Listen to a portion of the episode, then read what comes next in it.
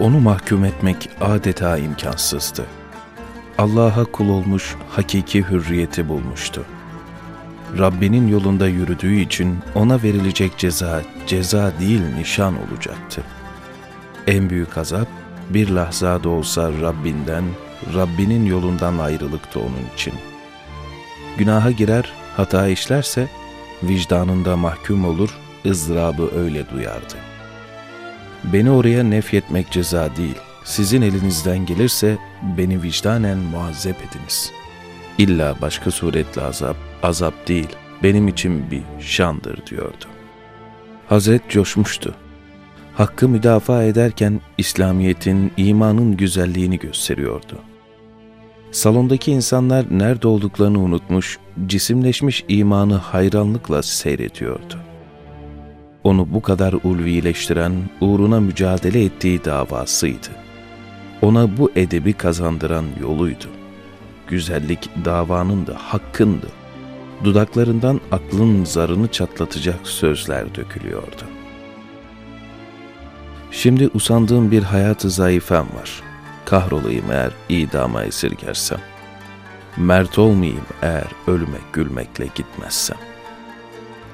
Mertti, yiğitti, doğruydu. Bunu herkes görüyordu. Niyetini, gerçekleri anlattı. Hadisenin gerçek sebeplerini izah ederek zihinlerindeki düğümleri çözdü, failleri gösterdi.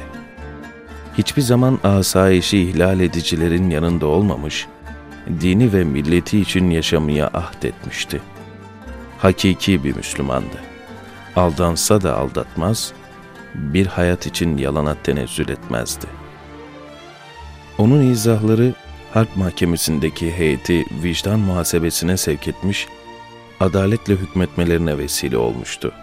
Kimse beklemezken bu müdafadan sonra Seyda ve elli kadar masum insan beraat etti. Mahkeme heyetine teşekkür edecek hali yoktu. Minneti de, teşekkürü de zalimlere değil Allah'a ve onun sadık dostlarınaydı. Üniversite binasından Sultanahmet'e kadar yürüdü. Bir yandan yürüyor, bir yandan da zalimler için yaşasın cehennem diye haykırıyordu. Zulüm bir kez daha hak karşısında dize geliyordu.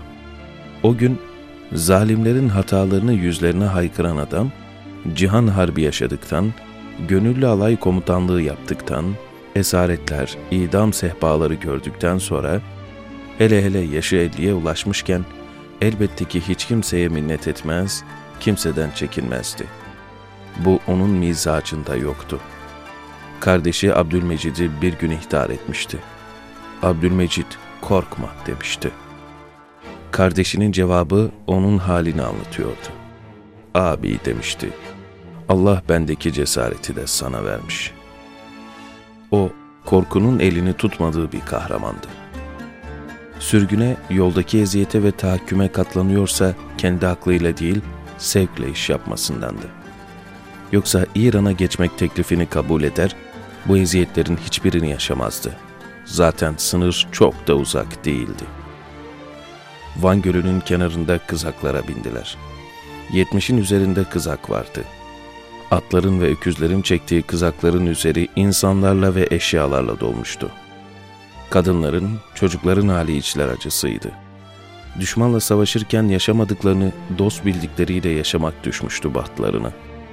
Evlerinden, barklarından olmuş, köklerinden kopmuş, kimsiz, kimsesiz kalmışlardı.